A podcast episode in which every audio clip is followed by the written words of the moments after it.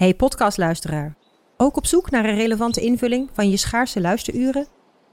Tune dan in op de podcastserie ESG, even samengevat van BNP Paribas. Wij, Marloes en Aldert, spreken daar duurzame voorlopers en wereldverbeteraars. Waarover dan? Nou, bijvoorbeeld of we ooit duurzaam kunnen gaan vliegen. En waarom koeien in de stad nou een goed idee is? Dat en meer elke twee weken in een nieuwe aflevering. Dus abonneer je. ESG, even samengevat.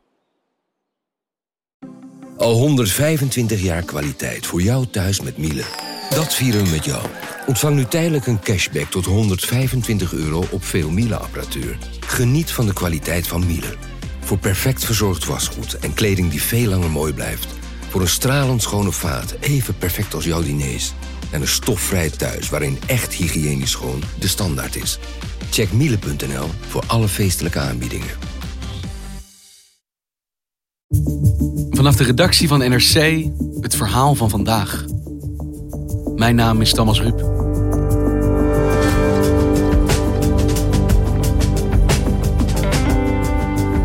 In Nederland mag je twee nationaliteiten hebben. Je bent Turks, Brits, Afghaans, Belgisch, Marokkaans en Nederlands. Kiezen hoeft niet. Je bent allebei. Maar voor topvoetballers ligt dat ingewikkelder. Zij moeten besluiten voor welk nationaal team ze willen uitkomen. En kiezen kan maar één keer.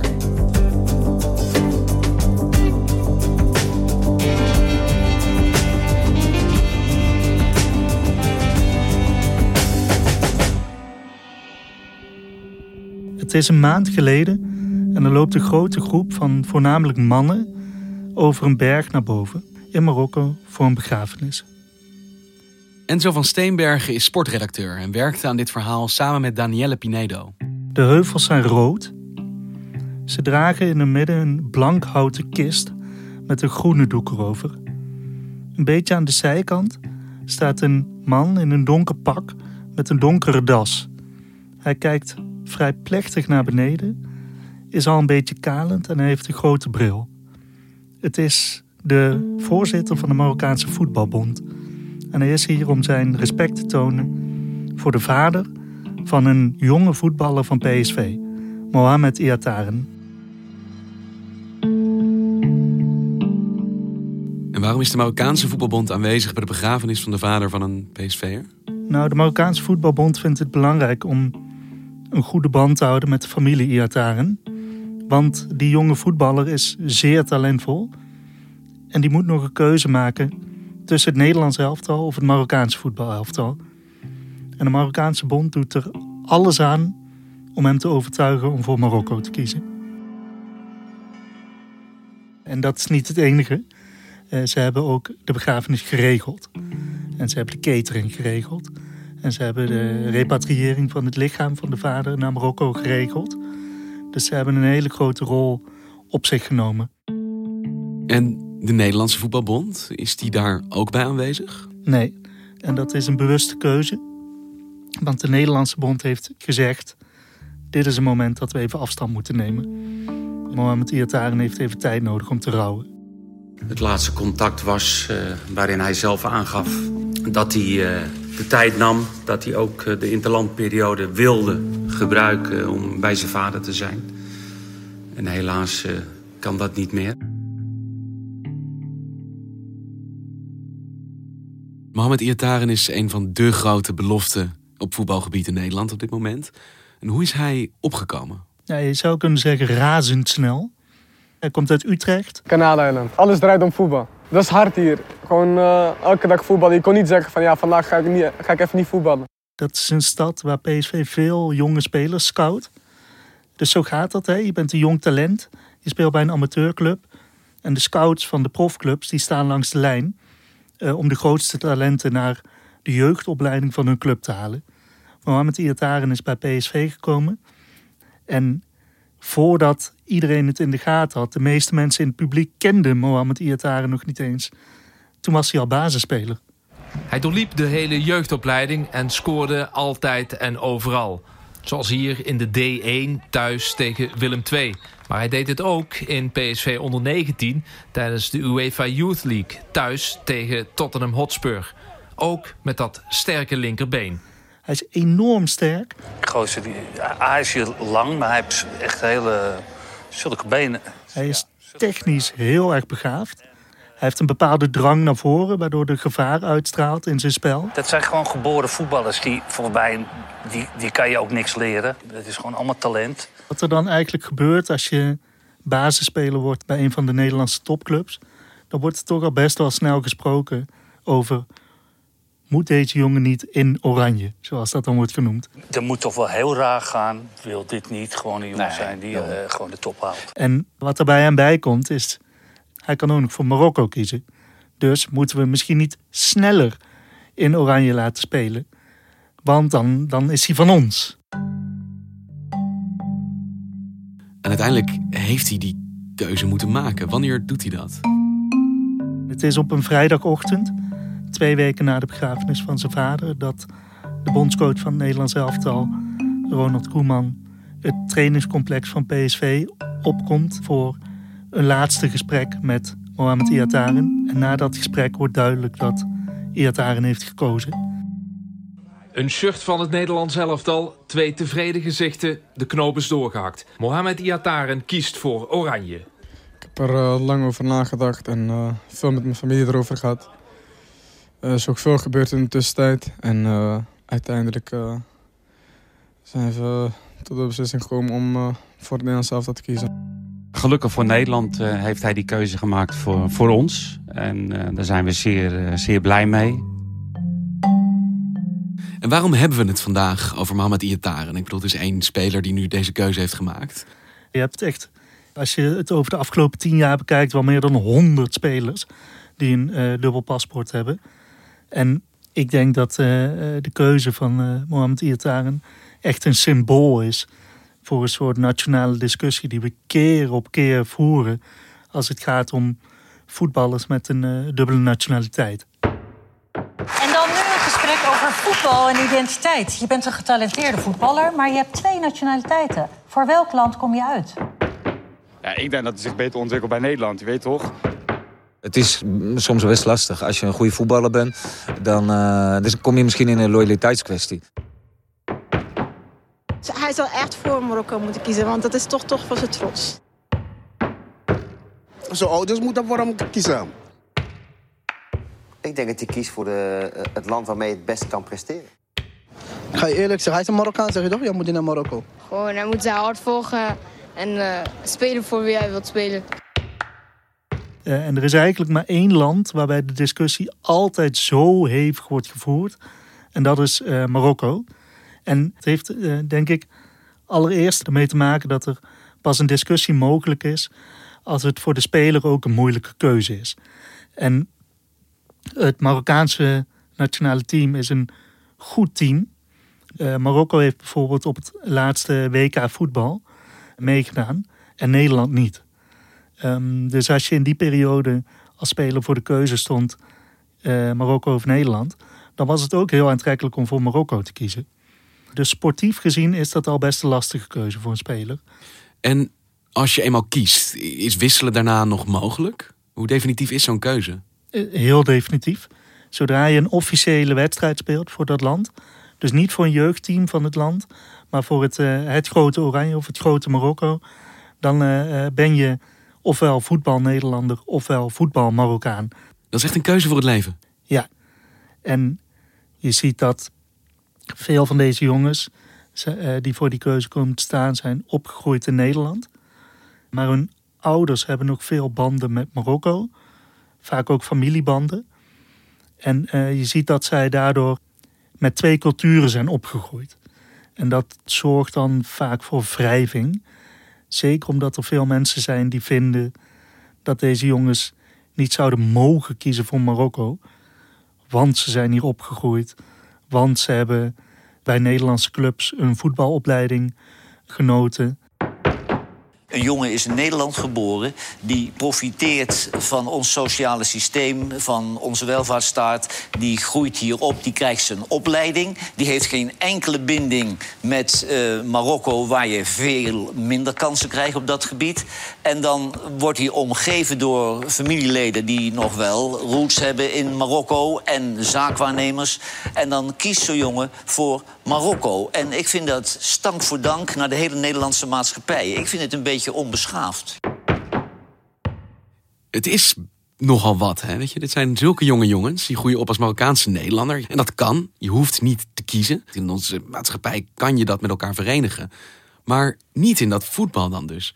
Worden zij op zo'n manier niet ongewild ook onderdeel gemaakt van een veel bredere en soms best giftige discussie over identiteit, over loyaliteit? Jazeker. En dat is natuurlijk ze helemaal niet op zitten te wachten. Deze jongens zijn, zijn voetballer. En dit soort discussies horen we vaak over uh, oververtegenwoordiging van uh, Marokkaans-Nederlandse jongens in de criminaliteitscijfers. Dat is een discussie die je in Den Haag vaak hoort. En het is bijna zo alsof deze jongens, die gewoon jonge voetballers zijn, dan ineens in die hoek waar die discussie wordt gevoerd, uh, worden gedrukt. En daar zitten die jongens helemaal niet op te wachten, maar het overkomt ze. En hoe lang speelt dit al? Dat Marokkaans-Nederlandse spelers nou bij uitstek voor dit dilemma staan. Wat zoveel dieper grijpt dan alleen natuurlijk je sportcarrière, maar ook je identiteit in dit land. Het is precies 21 jaar geleden dat uh, de eerste voetballer voor die keuze kwam te staan. En wie was dat? Dat is uh, Dries Boussata. Dries was de eerste speler die koos voor Oranje. 1998. Ja. Hoe kwam je tot die keuze? Uh, heel simpel. er was geen keuze. Marokko die, had me nooit uitgenodigd. Hij was de eerste Marokkaanse Nederlander die in het Nederlands elftal speelde. Precies. maar hij is ook de eerste die heeft gemerkt hoeveel emoties dat kan oproepen. En hij zegt dan van ja, in Nederland word je toch altijd, en dit zijn zijn woorden, gezien als het kut Marokkaantje die ineens in oranje komt. En tegelijkertijd was er een wedstrijd dat hij tegen Marokko moest voetballen in dat oranje shirt. En toen werd hij uitgefloten door het Marokkaanse publiek. Boussata. Hij wordt uitgefloten door de Marokkaanse aanhang. Dus wat hij daarmee eigenlijk wilde zeggen was...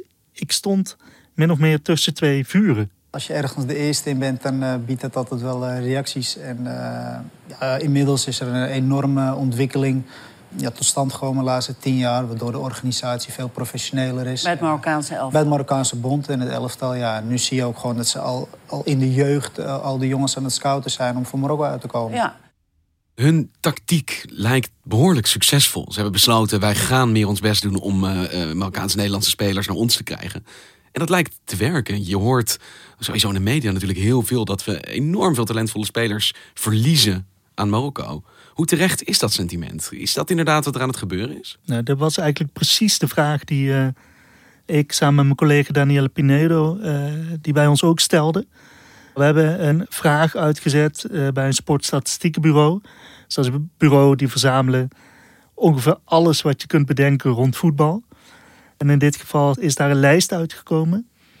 Het gaat dan om 25 spelers sinds 1998. Uh, en van die 25 hebben er 18 voor Marokko gekozen en 7 voor Nederland. Dus je zou kunnen zeggen, nou, dat beeld klopt, hè? Maar ga je dan weer kijken naar de kwaliteiten van de spelers? En dat is altijd een beetje subjectief. Maar je kan bijvoorbeeld kijken van welke spelers hebben bij een club gespeeld die meedoet om het kampioenschap. Dan zie je dat er ook een aantal spelers voor Marokko hebben gekozen die waarschijnlijk niet de kwaliteit hadden om ook het Nederlands elftal te halen. Dus dan kan het weer een sportieve keuze zijn. Dus je ziet dan dat er twaalf spelers voor Marokko hebben gekozen die bij een top 3 club hebben gespeeld. En eh, natuurlijk nog steeds acht voor Nederland. Als je dan nog meer gaat inzoomen, op welke spelers zijn echt goed genoeg om een basisplaats in het grote oranje te krijgen, dan zit je ongeveer gelijk. En zijn jullie erachter gekomen wat de belangrijkste overwegingen zijn van spelers eh, bij zo'n keuze? Waarom ze kiezen voor Marokko of Nederland? En hoe hoeverre speelt bijvoorbeeld geld daar een rol? De club die het meeste biedt. Geld is eigenlijk nooit echt een overweging. We hebben het over voetbal, maar geld is hier geen overweging. Nee, want uh, het echte geld verdien je bij je club. Wat dan zeg maar financieel gezien nog een argument zou kunnen zijn, is je cv. Heel simpel, iedereen wil een zo goed mogelijk cv. Dus voetballers ook. En normaal gesproken staat Nederlands elftal wat beter op je cv dan het Marokkaanse elftal. Maar niet als Marokko zich wel plaatst voor het WK en Nederland niet. Want dan heb je als jonge speler ineens een WK-wedstrijd op je naam. Dat klopt, alleen Nederlands elftal is historisch gezien wel een groter elftal. Nederland heeft WK-finales gespeeld. Nederland is als ze meedoen aan het toernooi altijd een kanshebber om het toernooi te winnen. Hoewel dat eigenlijk dan nooit lukt. Maar het Nederlandse voetbal is wereldberoemd. Tegelijkertijd weet de Marokkaanse bond dit natuurlijk ook. Dat op sportieve gronden waarschijnlijk spelers voor Nederlands elftal zullen kiezen.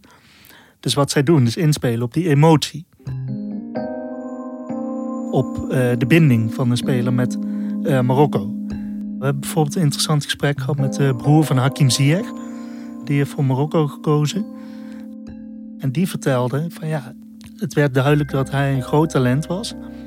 En dat hij voor allebei de landen zou kunnen kiezen. En wat deze broer van Ziyech vertelt, is dat zij door de Nederlandse bond heel afstandelijk werden benaderd. Zo van, nou ja, we kunnen geen beloftes doen. Misschien roepen we je een keer op. Je zou in beeld kunnen komen bij de bondscoach. En de Marokkaanse bond deed dat heel anders. Dus die kwamen naar uh, de familie toe en die zeiden van... we willen je er heel graag bij hebben. Jij wordt een belangrijke speler voor ons. Jij kan ons team gaan dragen. We zijn er trots op als je bij ons komt spelen. En zoals de broer van Ziyech dat omschrijft... is het dat die warmte uiteindelijk de doorslag heeft gegeven. Ja, ik kan me niet meer voorstellen. Ik bedoel, als je moet kiezen tussen twee banen. Met de een zeggen ze, wij denken dat jij de belofte van dit bedrijf wordt. We gaan je groot maken. En de ander zegt, nou, hier heb je een bureau en uh, wie weet gaat het wel uh, prima. Ja, dan, dan is dat de eerste natuurlijk veel aanlokkelijker. Ja, precies. Alleen de Nederlandse bond uh, doet dit wel min of meer bewust. De Nederlandse bond zegt van ja, we gaan niet jongens beloftes doen waarvan we niet weten of we ze kunnen nakomen. We gaan niet op emoties inspelen. We gaan niet familie erbij betrekken. We pakken het gewoon heel zakelijk professioneel aan. En daarom is eh, de keuze van Mohamed Iataren ook zo'n goed symbool. Omdat je niet alleen ziet hoe hij tussen de twee vuren te staan... die altijd oplaaien als een speler deze keuze moet maken... maar ook door de, uh, de aanpak van de voetbalbonden.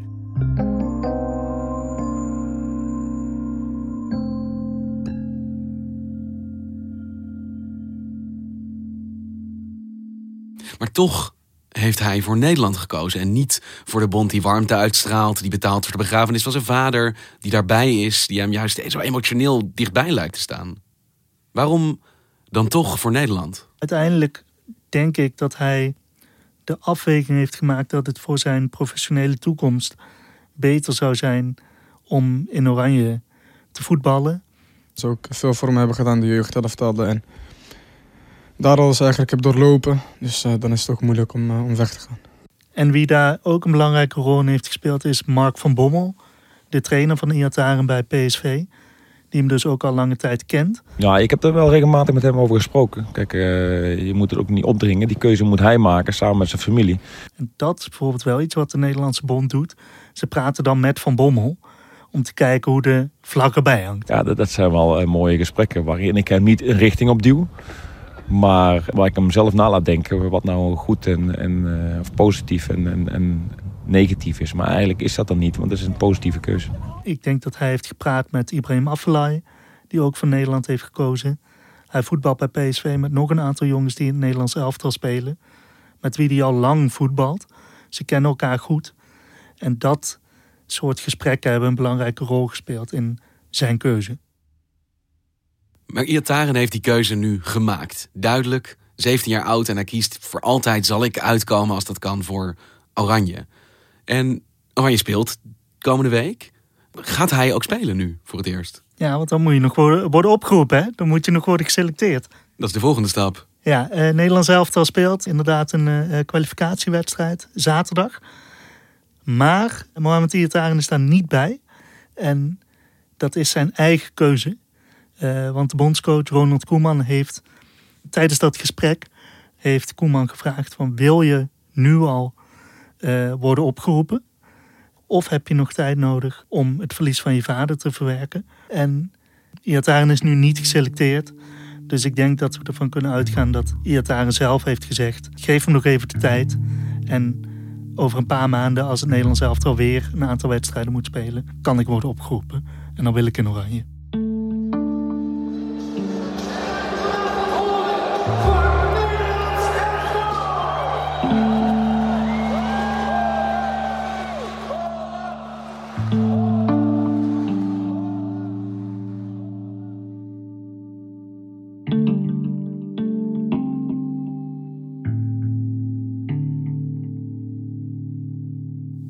Dankjewel, Enzo. Graag gedaan.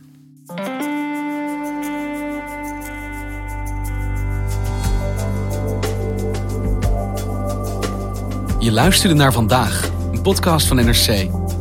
Eén verhaal, elke dag. Dit was vandaag, morgen weer.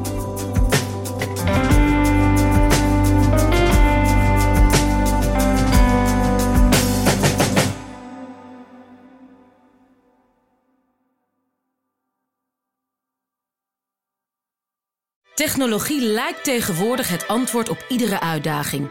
Bij PwC zien we dit anders. Als we de potentie van technologie willen benutten, kunnen we niet zonder een menselijk perspectief. Human-led, tech-powered noemen we dat. Ga naar pwc.nl.